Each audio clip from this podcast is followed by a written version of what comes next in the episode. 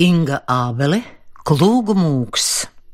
Iestudējums Klūgu mūks ir neatkarīgās producentu biedrības esto veidots literārais lasījums ceļā uz Latvijas valsts simtgadi. Lasījuma autori Anta Rugāte un Juris Kalniņš. 2017. gada ieraksts. Romāna radiolasījumā darbojas Anta Rugāte, Ainārs Ančevskis, Gins Grāvelis, Juris Kalniņš. Desmitais lasījums.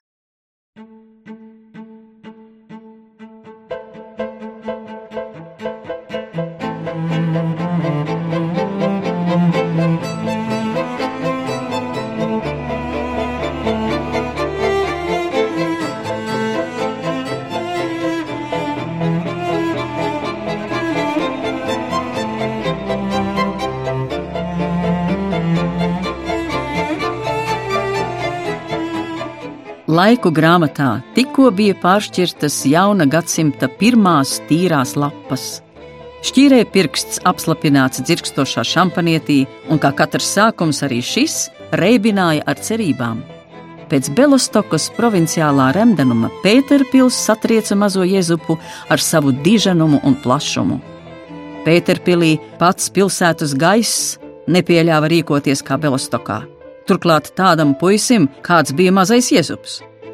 Smalks mazais bija bez gala, glīti veidotiem sejas pantiem, kuros uzreiz varēja nolasīt vecā Tanslava augsto pieri un Marcelas tumšās biezās skropstas. Vienmēr tīrā kārtā, cirtainiem matiem, linu ziedu spodruma acīm brūni iedegušajā sejā, Sievietes sajūsminājās par viņa manieri novilkt cimdus, tos rūpīgi salikt vienu pret otru, vienlaikus cieši skatoties sarunu biedrenes acīs. Tiesa vīriešiem viņš varētu šķist mazliet par kautru, dažā ziņā pat gļēvs, bet šīs īpašības bieži jauc, un par to klātbūtni nevienam uz sejas neraksta. Saņēmis atteikumu no medicīnas skolas, mazais Jēzus pāris nakšu dzēsēja bēdas jautrā sabiedrībā, kādā dzīvoklī oficieru ielā, bet pēc tam attapās lielpilsētā gandrīz pilnīgi bez naudas. Akurāti piegādātie sūtījumi no vilku dobes ļāva viņam pasaulē izdzīvot, taču ne uzdzīvot. Par to vienmēr atgādināja tēva īsās pelēkās vēstules, kas dažkārt tika pievienotas naudas sūtījumiem. Jezupa draugs Piotrs kāroja iestāties Vladimira karaskolā Smolenskā, un mazais Jezups, nedomājot, devās līdzi. Vēl smagu galvu pēc naktas dzīrēm. Viņi abi tika uzņemti un kopā pēc četriem gadiem beidza karaskolu ar pirmās šķiras diplomu. Piotrs pieņēma piedāvājumu pēc karaskolas beigšanas doties uz Sibīriju un septiņus mēnešus kauties par caru ar Japāņiem Kamčatkā. Jēzus baidījās, ka no Sibīrijas dzīves neizkulsies, un palika Smoļinskā dzīvot no savas jaunākā virsnieka algas. Septiņi mēneši aizlidoja ar vēja spārniem. Piotrs bija atpakaļ, kļuvis vīrišķīgāks, stiegrāks, nobeidzis daudz japāņu, turklāt lielījās, ka septiņu mēnešu laikā dažādās atlīdzībās un pabalstos saņēmis triju gadu algu.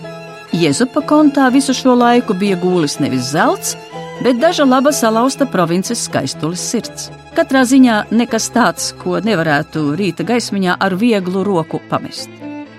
Piotrs arī šoreiz pierunāja mazo doties sev līdzi, atkal uz Pēterpili, stāties Krievijas gaisa kuģniecības skolā. Tā nu pēc centīgas bēgšanas no tēva sapņa mazais Jēzus attapās dziļās pārdomās par samežģījušos likteni uz ceļiem altāra priekšā svētās katras baznīcā Ņevas prospektā. Ko tu no manis vēlies, Māras zemes karaliene?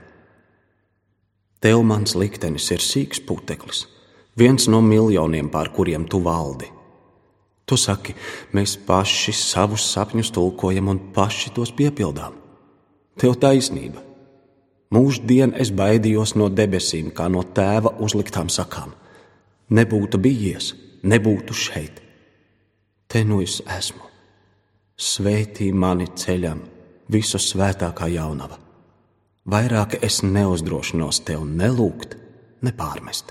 Krievijas gaisa kuģniecības skolā un vēlāk Gačinas kara aviācijas skolā, Jēzus Sebalts uzsāka savas praktiskās kara lidotāja gaitas, par ko tūlīt ar priecīgu atturību vēstīja tēvam.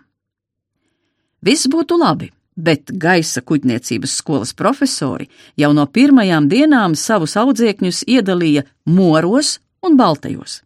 Vladimiras kājinieku karaskolas beidzēji tika pieskaitīti pie moriem. Turklāt ar jaunākā virsnieka algu galvaspilsētā Jēzus nevarēja izvērsties. Vienīgi nopirkt eh, jaunu siksnu un piesaistīt vēderu ribām, lai mazinātu mokošo izsalkumu. Sadalījums moros un baltajos sagādāja vēl daudzus citus nepatīkamus mirkļus. Vispirms nebitīgās bažas no skolotāja puses, vai tik Jēzus varēšot mācībām sekot. Bažas vajadzēja atspēkot, un tas prasīja papildu piepūli. Mācības nebija viegla pastaiga. Ikdienas četras stundas lekciju, četras stundas praktisko darbu un līdzi uz mājām vesela kaudze mājas darbu, bet skolā nebeidzamu pārbaudes darbu virkne. Cītīgi mācīdamies, mazais ātri vien izvirzījās izcilniekos teorijā. Skolas fotolaboratorija, norakstīšanas tehnoloģija bija izstrādāta tā, ka mācījās tikai trīs vai četri centīgie audzēkņi, bet pārējie mūžīgā steigā norakstīja. Profesori un to asistenti nespēja pieņemt, ka Jēzus, Jēzupa dēls Sebalts, ir tas, no kura citi noraksta. Viņš taču bija visjaunākais kursā, turklāt Moris. Ja kāds baltais norakstīja burtiski un plaģiātisms tika pieķerts, taisnoties dabūja mazais. Gaisa kuģniecības skolā pasniedza Pēterburgas zvaigznes, mācību spēku slavenības. Profesors Sapožņikovs izklāstīja ķīmijas gudrības, Baltvins motormācību, Mūromcovs elektrotehniku un radiotelegrāfu. Kuprijānovs piebāza studentu galvas ar piecstāvu formulām fizikā, bet profesora Pulkveža Naidjenova fotogrametrija bija īsti džungļi. Toties skolas priekšnieka ģenerāļa Kovaņko lekcija reizi nedēļā palika atmiņā uz mūžu. Ģenerālis strādāja no pulksten astoņiem vakarā līdz sešiem rītā un gulēt gāja līdz ar ausmu. Gulēja viņš līdz vieniem diviem dienā, tad devās uz skolu. Lekcija parasti sākās tikai divos, un ilga līdz tam brīdim, kad durvīs jau ceturto reizi parādījās bāla klases dāma un piesardzīgi atgādināja: Jūsu ekscelence, pulkstenis jau septiņi! Ģenerālis ceturto reizi atmāja tūlīt beigšu, un pēc krietnas stundas arī beidza. Viņa priekšmets bija gaisa kuģniecības un lidošanas vēsture, un nevelti Krievijas gaisa kuģniecība un aviācija savos pirmsākumos bija cieši saistīta ar ģenerāļa Kovaņko vārdu. 1885. gadā Viņš bija ticis ieskaitīts pirmā aerostata komandā Krievu armijā, bet Krievu-Japāņu karā no 1904. līdz 1905. gadam jau pats sekmīgi komandējis pirmo Sibīrijas aerostatu bataljonu. Jēzus pastāstīja, ko viņa tēvs bija pieredzējis bērnībā putnu dzeraunē. Par vecā Jēzupa tikšanos ar lidotājiem, kas tik spēcīgi bija ietekmējusi tēva un dēla likteni. Ģenerālis labi atcerējās šo gadījumu no savas jaunības, un mazais kļuva par viņa mīluli. Ģenerāļa lekcijas bija vairāk dzēja, ne proza, filozofija, jaukta ar dzēlīgu sarkasmu, kritisks domāšanas process studentu priekšā, lieliskas runas dāvanas, milzīgas zināšanas par tehniku un cilvēka psiholoģijas izpratni. Viņam piederēja lielākā lidošanas literatūras biblioteka Krievijas impērijā.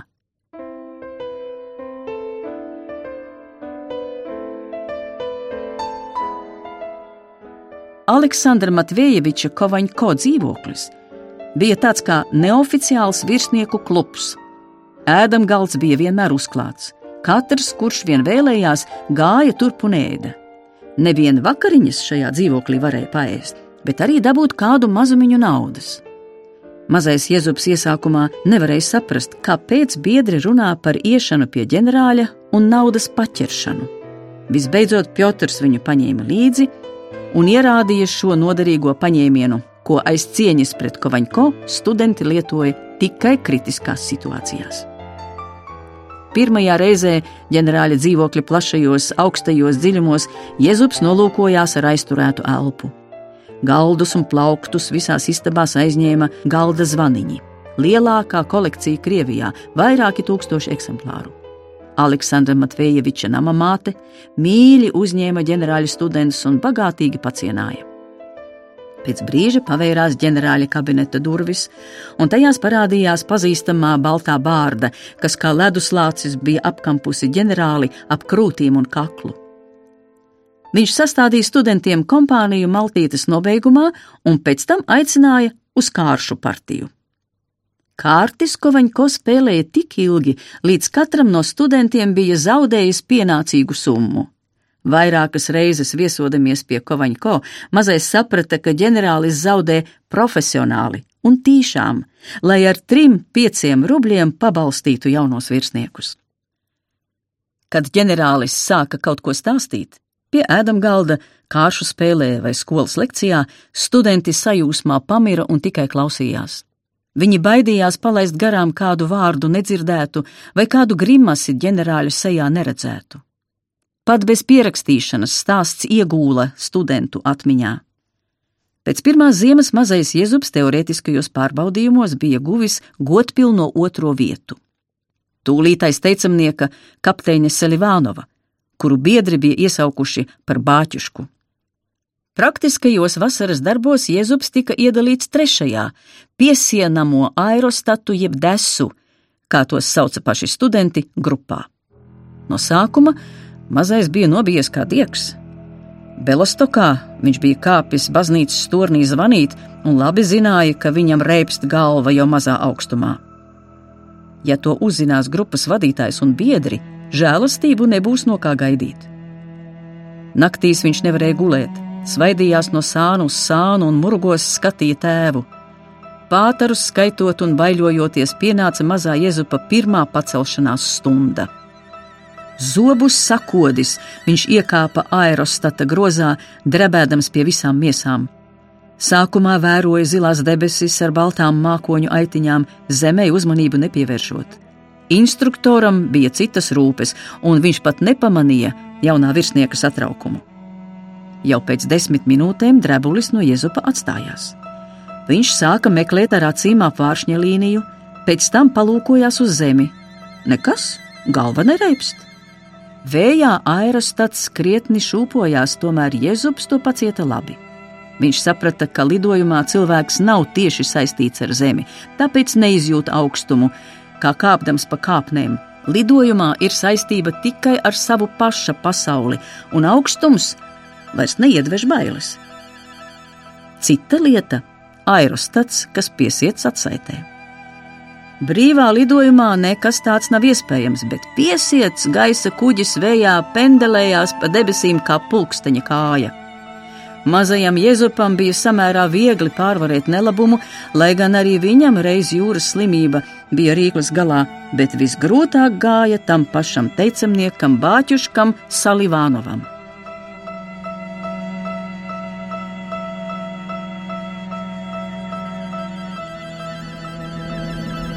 Notika pacelta piesienamā aerostata pārvietošana no vienas vietas uz otru. Pa putekļaino ceļu zemes spēki, kā strūdznieki, auklās smagi iegūluši, vilka aerostatu uz priekšu. Kad aerostatu beidzot novilka lejā, teicamnieks vairs nespēja paiet. Jūras slimība viņu bija tik tālu nomocījusi, ka vajadzēja izsaukt sanitāru ratus. Uz tiem krampjos raustīdamies, slimais pameta desu laukumu. Ne tikai jūras slimība apdraudēja jaunos gaisa kuģotājus. Praktisko darba programmā ietilpa arī gāzes iegūšana aerostatu pildīšanai. Ūdeņraža izaivielas bija kodīgais nātrijs, alumīnijs un ūdens. Ķīmiķi, ķīmiķa palīgi un strādnieki bija visi pēc kārtas. Nātrija drupināšana bija grūtākais strādnieka darbs. Ar milzīgu āmuru vēlēt pa nātriju mucu, vienlaikus mēģinot nesašķaidīt dzelzi. Ja gadījās mucu tomēr ielaust, tad kāds nātrija gabaliņš tūlīt izsvilināja caurumu, sitēja apģērbā. Tomēr arī ķīmiķim negāja vieglāk par strādniekiem. Tam vajadzēja alumīniju gremdēt nātrija šķīdumā. No gremdēšanas dziļuma un ātruma atkarīgs reakcijas ātrums. Ja ģeneratora vāks uzlidoja gaisā, tad neglāba pat speciālais gumijas aizsargtērps. Milzīgi tvaika mutuļi un vārošs šķidrums apdedzināja sejas ar ilgi dzīstošām vātīm, ko felčeris tūlīt mazgāja ar sodas šķīdinājumu. Tāpat gadījās bīstami pārpratumi ar studentu mūžīgo kaislību pīpošanu. Smēķēt ūdeņraža tuvumā bija kategoriski noliegts, bet studenti paši uzskatīja, ka simt metru robeža ir pietiekami droša. Tā bija mānīga drošība. Karēvju komandas ūdeņradi pārnēsāja gāzgolderos, lielos audekla maisos. Virsnieki tiem smēķēdami sekoja šķietami drošā attālumā. Bet reiz starp gāzgolderu un smēķētāju nostiepās kaut kas līdzīgs ugunīgam zibenim. Gāzgolderis uzliesmoja un sadega. Gaisa kuģotāja apmācības programmā bija teikts, ka studentiem jāiepazīstas arī ar skrīnmašīnēm, un ar tām vismaz dažas reizes jālido kā pasažieriem. Mazo Jezupu ar biedriem aizsūtīja uz Gačinas aviācijas skolu. Jezups jau pāris reižu bija redzējis lidojošu lidmašīnu. Nē, nē, tas nav priekš manis. Viņš teica Piotram, kurš tieši otrādi bija pārņemts ar lidošanu. Ik katru gadu tik daudz aviatoru nositas. Kāpēc gan lai tieši es būtu tas veiksmīgais izņēmums? Bet paskatīties jau var. Lidot gribētāju bija daudz, un sākumā Jēzus tika cauri sveikām. Bet tad grupas vadītājs stingri noteica Gačinā katram sameklēt krustēvu, lidotāju, kurš būtu ar mieru pavizināt. Un tas bija grūts uzdevums. Skolas instruktori izturējās nepieejami, bet jaunie tikko izceptie lidotāji neviesa Jēzupa uzticību. Taču tad izrādījās, ka Gačinas skolu beidzis kāds sens Jēzupa paziņa no Vladimiras karaskolas laikiem. Viņš gan bija izmainījies, kļuvis lielīgs un uz katra soļa centās visiem pārējiem atgādināt, ka pieder pie pilotu kastes. Šī lielība bija jaunatklātās aviācijas nozares dienesta slimība. Labi, ņemšu tevi līdzi, taču tikai tāpēc, ka man vajadzīgs balasts. Tā nu balasta kārtā Jēzus pirmo reizi tika parauts debesīs. Lidojuma sākumā viņš neizjuta itin nekā, Viņi lidoja ar vecā tipa tūlīgo Fārmana sistēmas skrīnmašīnu. Tas bija apmācības divplāksnis ar nelielu 80 zirgspēku motoru Gnom, lidotājiem aiz muguras. Tā propellers griezās starp četriem astes lanžeroniem, un cilvēkiem vajadzēja sēdēt divplākšņa mugurā uz plikām redelēm, neaizsargātiem no vēja. Eļļas smarža no karstā motora, svaigais spirktais vējš, Pasaules kārtība, kas negaidot atklājās jau no neliela augstuma, tās pašas pasaules, kas pļāvā uz muguras guļot, šķiet neizbrienams mūža mežs. Brīvība! Un blakus lido citi biedri. Šķiet, lidmašīnas stāv gaisā, tikai spārni viegli trīs kā spārēm, un propelleri zīmē ap sevi zilganu riņķi. Motori zemu ducina, te pēkšņi kaimiņu pilots uzsmaida un pamāja Svētsvinība pēkšņi pārņēma Jēzupu. Viņš ieurbās ar acīm tālajā apvārsnī. Varbūt pat varētu šo nodarbi iemīlēt.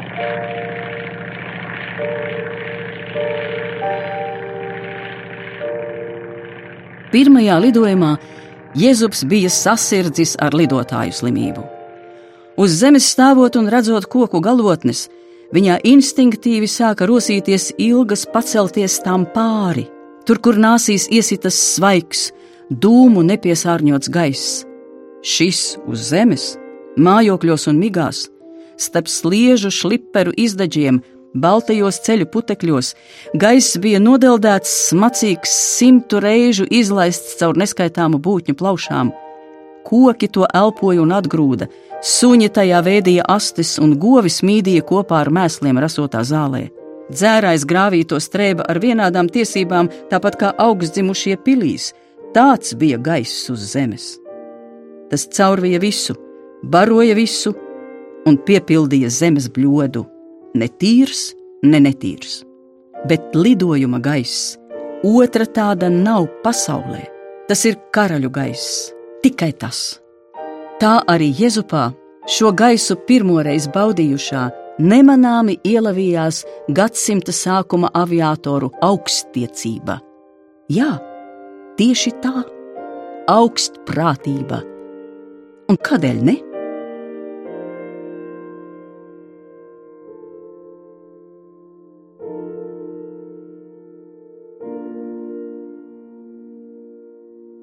Jelgava jau jaunos gados Franča Sebalda dzīves ceļu cieši savienoja ar Baltijas latviešu dzīvēm un darbiem. Viņš apbrīnoja baltiešu rosīgo garu, mēģināja pēc šī parauga dzīvot pats. Drīz vien noskaidrojās, ka vitepskieši uz rosību ir kūtri, bet baltiešiem par vitepskiešiem ir pavisam maza sajēga. Apsolījis priekšlasījumā iepazīstināt rīdziniekus ar savu dzimteni, Sebalds drīz vien tika aizsūtīts uz Pēterburgu par Svētās Katras baznīcas vikāru un vēlāk par Svētās Katras proģimnāzijas prefektu. Priekšlasījumu bija jāatliek uz vairākiem gadiem. Kad beidzot tas notika, 1901. gada vasarā, tā bija svarīga diena Franča dzīvē. Uz zinību komisijas vasaras sapulcēm dažkārt sabrauca tuvu pie tūkstošu personām, un priekšlasījumus noklausījās ar lielu uzmanību. Laikrakstī notikumus un tematus dedzīgi atreferēja tiem, kas nebija atbraukuši. Vasaras sapulcēm dzīvoja līdzi visa latviešu paskolotā daļa. Sebalds kļuva par tās vasaras Kolumbu, kas daudziem atklāja jaunu Ameriku. Kāpēc Vitebskas guberņas latvieši kultūras ziņā palikuši tik tālu pakaļ saviem tautiešiem, kurzemniekiem un vidzemniekiem? Par Latviju līdz šim tika uzskatīts apvidus līdz Aiviekstei un Lubānam. Kaut kur Dienaburgas, Režicas, Ļucinas apriņķos droši vien eksistēja inflantieši, vitepskieši, pūlīši, leiši, vēl citos vārdos saukti cilvēki, bet vai tie bija latvieši? Laikrakstīs Sebalda priekšlasījumu atzina par saistošu, pārspriedumu vērtu tematu visai vasarai. Turklāt Franča Sebalda staltā neatkarīgā stāja kopā ar lielisko humora izjūtu, kā arī neparastais katoļu garīdznieka tērps un latviešu valoda ar citādo akcentu, ieinteresēja klausītājus. Par Franča dzimteni, kā tolaik mēdza teikt, inflantiju, pūļu vidzemi, Vitebskas Latviju, ziņu bija maz. Latvija bija kūrzeme un vidzeme. Nu Rīgā bija ieradies turienietis, kas paziņoja, ka Latvijai ir vēl trešā province - Vitebskas guberņas trīs apriņķi. Par zemākas kultūras iemesliem pie Vitebskas guberņas latviešiem salīdzinot ar vidzemniekiem un kurzemniekiem. Franča Sebalda priekšlasījums Rīgas Latviešu biedrības zinību komisijas vasaras sapulcē 1901. gadā Rīgā. Cienījamie kungi! Ka Vitebskas guberņas latvieši kultūras ziņā ir palikuši tālu pakaļ saviem tautiešiem, vidzemniekiem un kurzemniekiem, tas ir skaidri redzama lieta, ko nav vajadzīgs pierādīt. Viņu dzīve ir vēl šo baltu dienu tikai vienkārša arāju dzīve. Viņu vēlēšanās nesniedzas pāri pār viņu māju robežām. Viņu prasījumi ir maize un zeme. Par viņiem mēs varam dabūt dzirdēt kā par labiem grauju racējiem, jo gads gadā laba daļa no viņiem, īpaši no reznāniešiem, izbrauc uz iekškrieviju tā sauktajos burlakos pie ūdens ceļa kanālu padziļināšanas. Bet par viņiem kā par labiem juristiem, valsts ierēģiem, skolotājiem, doktoriem, mūziķiem, glaznotājiem un tā joprojām, mēs nedabūjam nekā dzirdēt vienkārši tāpēc, ka tādu tur nav. Tādus var gan arī visus saskaitīt uz pirkstiem, kam tur ir laimējies izkulties cauri pie gaismas un nostāties uz augstāka pakāpiena kultūras dzīvē.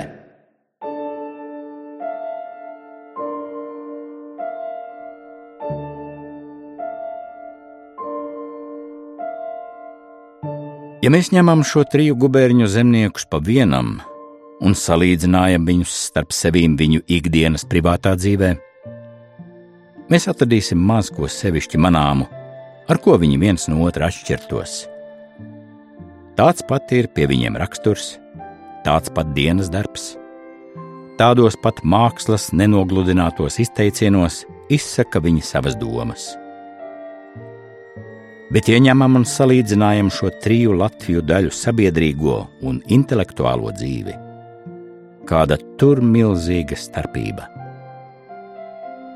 Te vidzemē un kurzemē vairāk kā desmit periodisku rakstu iznēsā pa visiem ciemiemiem dažādas ziņas par tautu dzīvi, rūpniecību, saimniecību, cilvēka gara darba panākumiem. Te patiesi ievērojams daudzums visvisādu biedrību modina tautiešu garu, iesilda sirdis pie dziedāšanas, veicina labklājību. Te jau no 1882. gada 740 pagasta skolu strādā gads gadā, attīstīdamas latviešu bērnu prātus. Te katru gadu izgrūž grāmatu spiestūs no savas melnās rīkles, jaunas un atkal jaunas grāmatas, kas nes Latvijas dēliem zinības gaismu. Tur Vitebskas guberņas latviešiem nav nevienas biedrības, neviena laikraksta, nevienas jaunas grāmatas Vienīgā grāmata, kādu mēs tur sastopam, ir lūkšanu grāmata.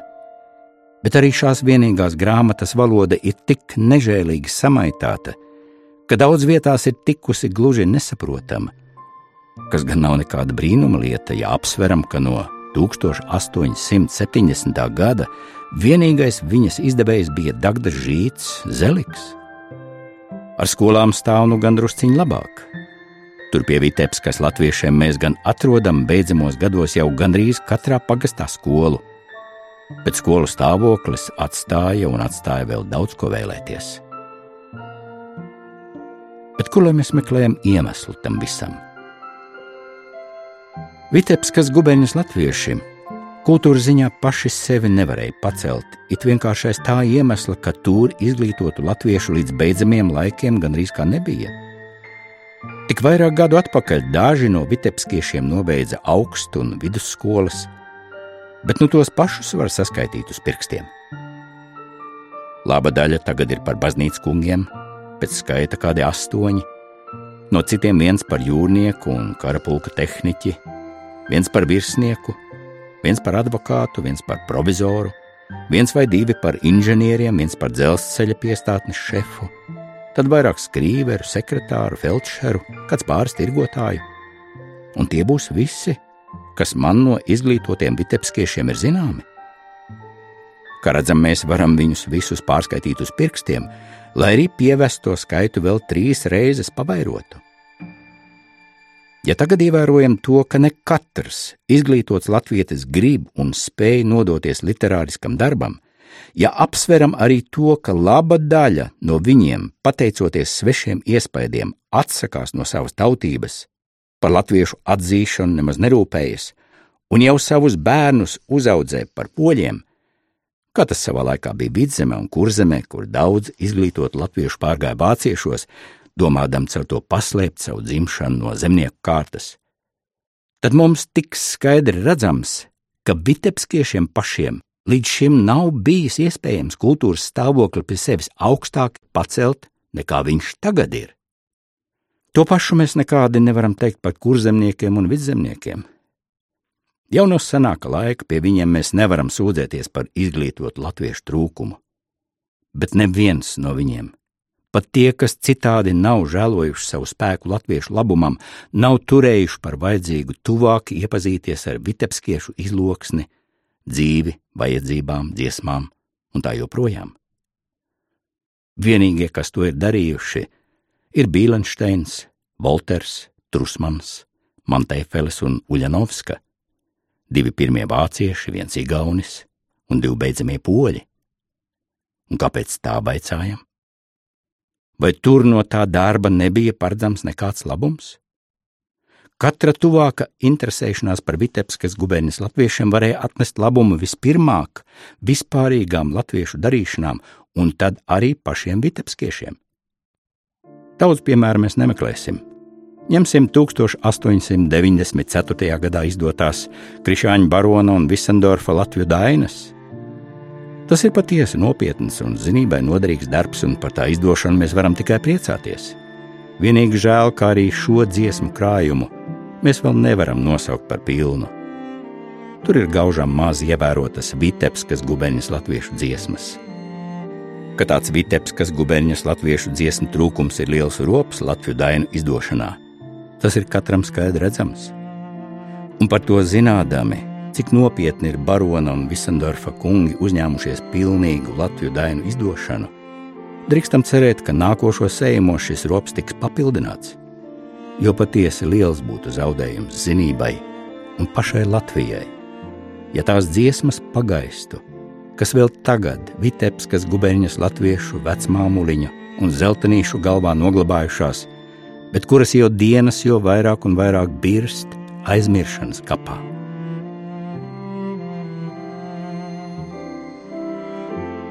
Tāpat līdz šim ir bijusi maz ievērota vitebskiešu latviešu valoda.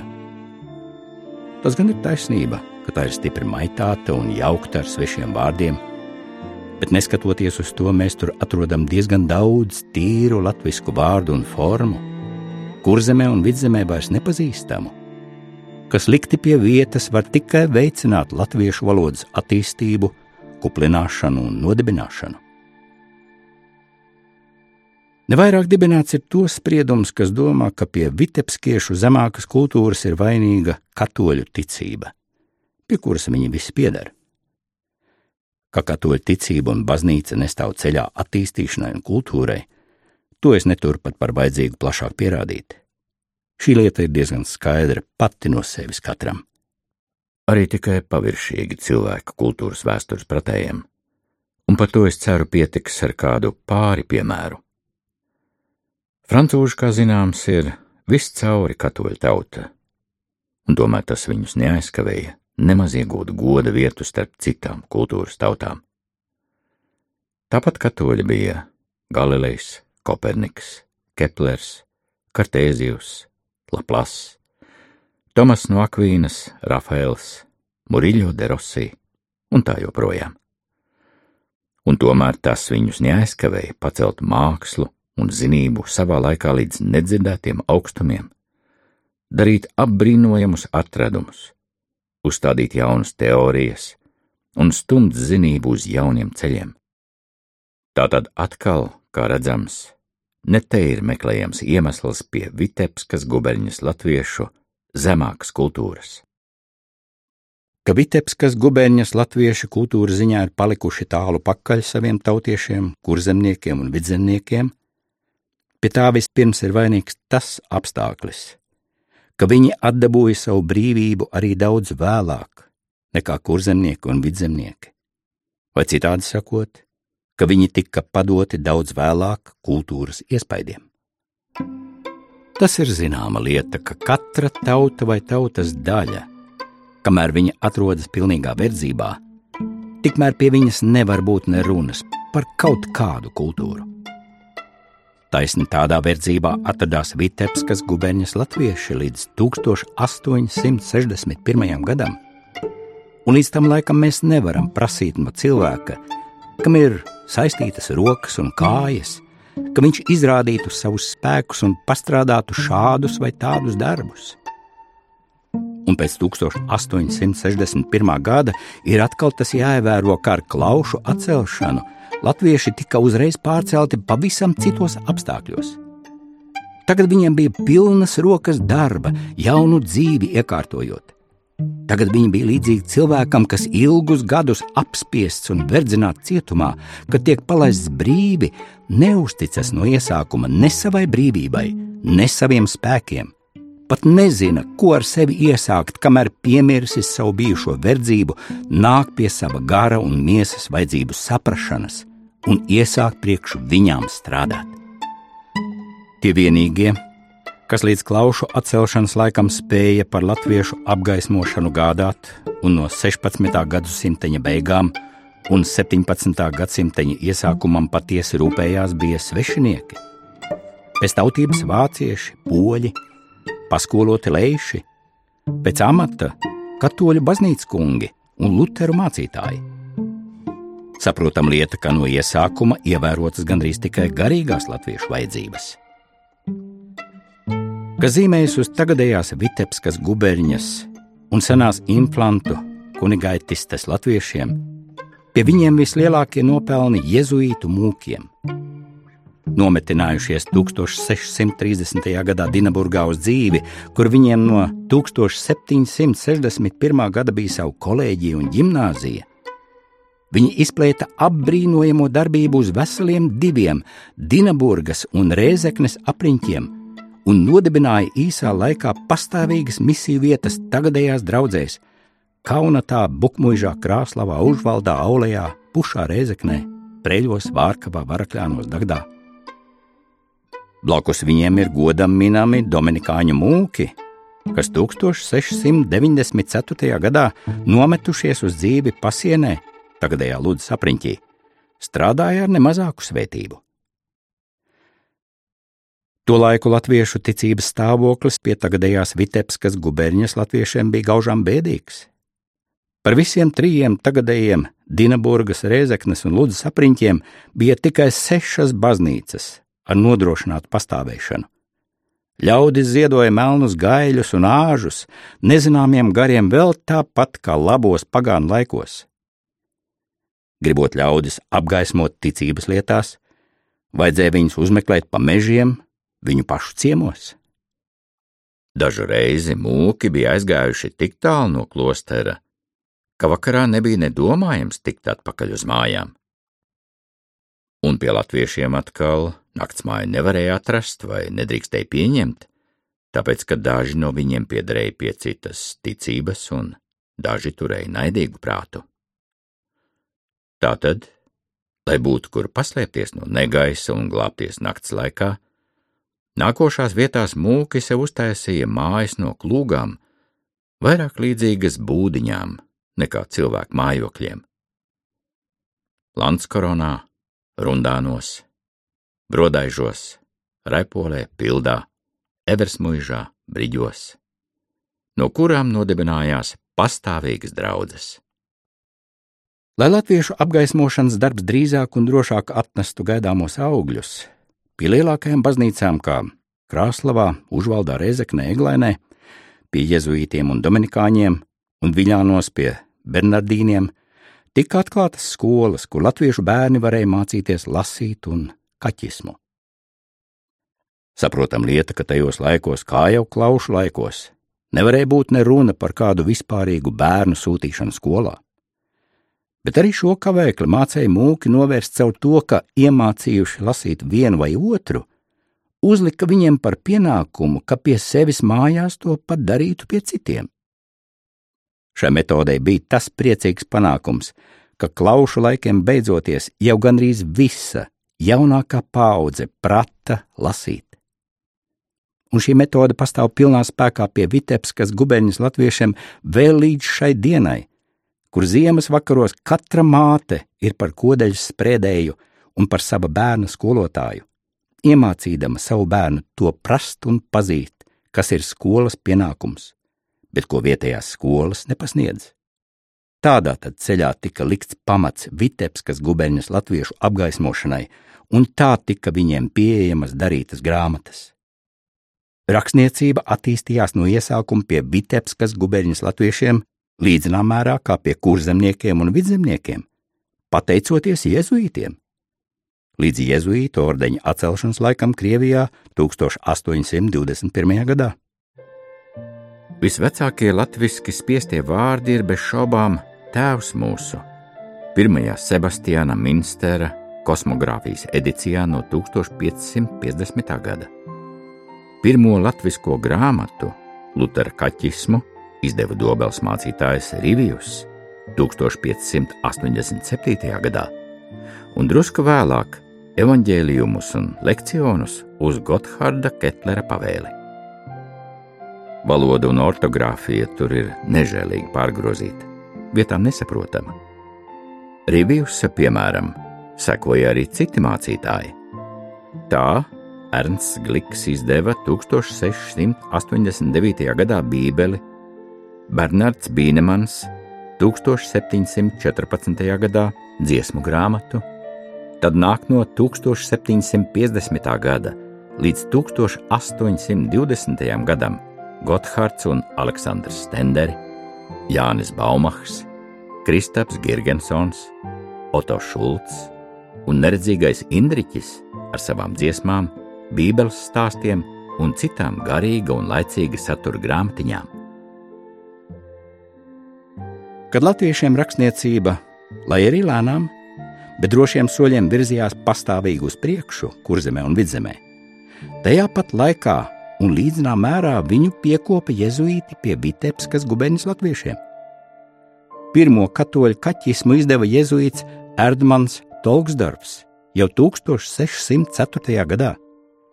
Pēc viņa ar sevišķu rūpi strādā Vitebskas guberņas latviešu apgaismošanā jezuīts Juris Elgers, vēlāk Jānis Lukaševits un citi Dinaburgas un Dagdas jezuīti. Ap to laiku kurzemē un vidzemē notiek pārgrozījumi, kas neizsakāmi ļaužu apgaismošanas lietu veicina.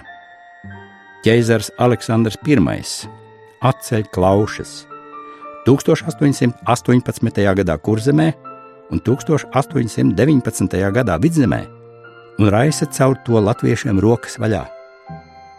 Tāpat mēs nevaram atstāt te nepieminējuši vēl otru gadījumu, kam ir savs svars pie ļaužu apgaismošanas.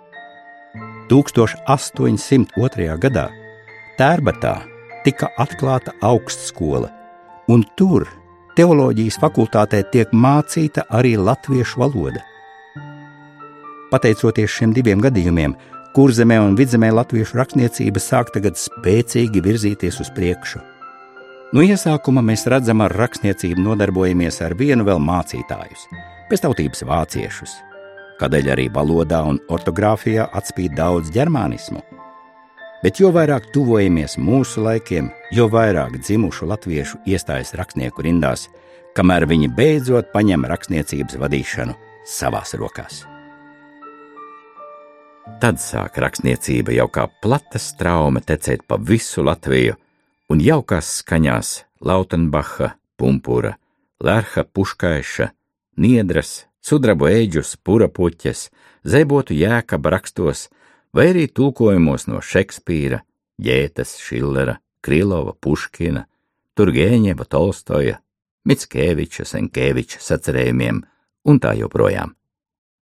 Starp daudz derīgām izzogas cauri daža arī gluži kaitīga grāmata.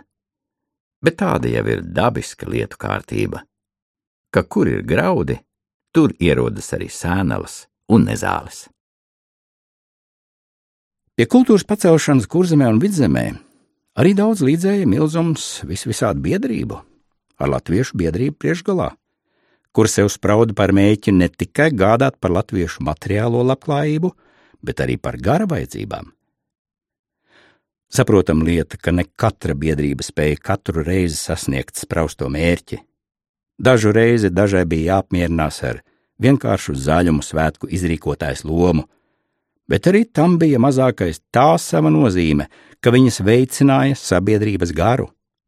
Bet vislielākais nopelns pie kultūras pacelšanas kurzemē un vidzemē ir bez šaubām jāatzīst tautas skolām. Pateicoties tai kārtībai, pēc kuras latvieši varēja viņās mācīties, lasīt un rakstīt savā valodā, desmitiem tūkstošu latviešu bērnu sāka viņus apmeklēt pateicoties pagastu skolām, kurzemes un vidzemes latvieši līdz arī gauniem tagad ieņem pirmo vietu ļaužu apgaismošanas ziņā visā plašajā Krievijā. Kad pēc 1822. gada pie kurzemes un vidzemes latviešiem kultūra tā laimīgi attīstījās, viņu tautieši, Vitebskas gubeņas latvieši, nespēja viņiem sekot un palika beidzot viņiem tālu pakaļ. Bet citādi tas arī nevarēja būt. Tajā laikā, kad kurzemnieki un vidzemnieki jau baudīja pilnīgu brīvību, viņu tautieši Vitebskas guberņas latvieši vēl vaidēja zem grūtā klaušu sloga. Bez tam, pēc jēzuīta ordeņa atcelšanas Krievijā, viņiem pietrūka labāko strādnieku. Spodrāka apgaismošanas saulīte solījās uzliekt Vitebskas guberņas latviešiem tikai pēc klaušu atcelšanas, kad 1862. gadā iznāca Gustava Mantēfeļa Inflantu zemes laika grāmatas pirmais gada gājums. Laika grāmata nu gan vēl nebija nekāds priekšzīmīgs izstrādājums. Tur bija vēl daudz trūkumu pie valodas, ortogrāfijas un satura, bet tas bija iepriecinoši, ka tagad sāka rūpēties par latviešu apgaismošanu arī ikdienas dzīves vajadzībās. Tikai jau 1870. gadā laika grāmatas, tā arī citu grāmatu izdošanai bija jāapstājas. Tagad vajadzēja Vitebskas gubeņas latviešiem tikai vienkārši lietot tās grāmatas, kuras iznāca kurzemē un vidzemē. Bet patiesībā ar lietu stāvēja bēdīgi. Radās šķēršļi, kas Vitebskas gubeņas apgaismošanu uz ilgiem gadiem aizkavēja. Jau no paša rakstniecības iesākuma pie latviešiem bija nodibinājusies divējāda ortogrāfija. Kurzemē un vidzemē ieveda Rīvijus vāciešu ortogrāfiju, un Elgars atkal poļu ortogrāfiju, augšzemes ļaužu izloksnē pie Vitebskas gubeņas latviešiem ar gotu burtiem, kā tas to laiku bija parasts. Starpība izcēlās vēl lielāka, kad 18. gadsimta iesākumā sāka pie vitebskiešiem lietot latīņu burtus. No iesākuma tas gan nekaitēja nevienai tautas daļai kamēr tika laistas klajā tikai garīgi satura grāmatas, un rakstniecība attīstījās pie abi divējām daļām vienādā mērā. Bet tagad, kad Vitebskas gubeņas latviešu grāmatas ar poļu latīņu burtiem nepielaida drukā, un grāmatas un laikraksti, kas iznāca Rīgā un Jelgabā, palika viņiem sveši, neizlietojami, zaudējums bija lielāks nekā kāds to būtu varējis paredzēt. Gribot lietai līdzēt, Tagad vajadzēja darbu iesākt no jauna un visus Vitebskas latviešus izmācīt jaunu ortogrāfiju un jaunu abeci. Citas izējas nebija nekādas.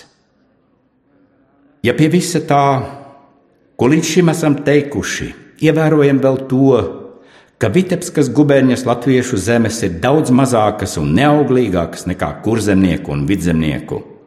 Ka viņi dzīvo veseliem ciemiemiem vairāk saimnieku kopā, kas neizsakāmi nokavēja saimniecības attīstīšanos un caur to kaitē lopkopībai, tad mums tiks saprotams, kāpēc Vitebskas gubernijas latvieši kultūras ziņā palikuši tik tālu pakaļ saviem tautiešiem, kurzemniekiem un vidzemniekiem.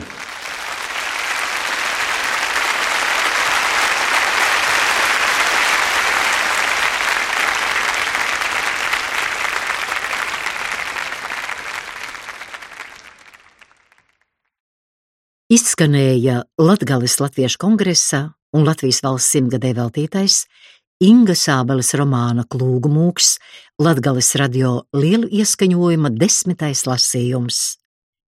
Radio lasījumā darbojās Anta Rugāte, Ainārs Ančevskis, Gins Grāvelis, Juris Kalniņš, komponists Juris Vaivots, skaņu režisors Andrijs Krenbergs, režisors Juris Kalniņš.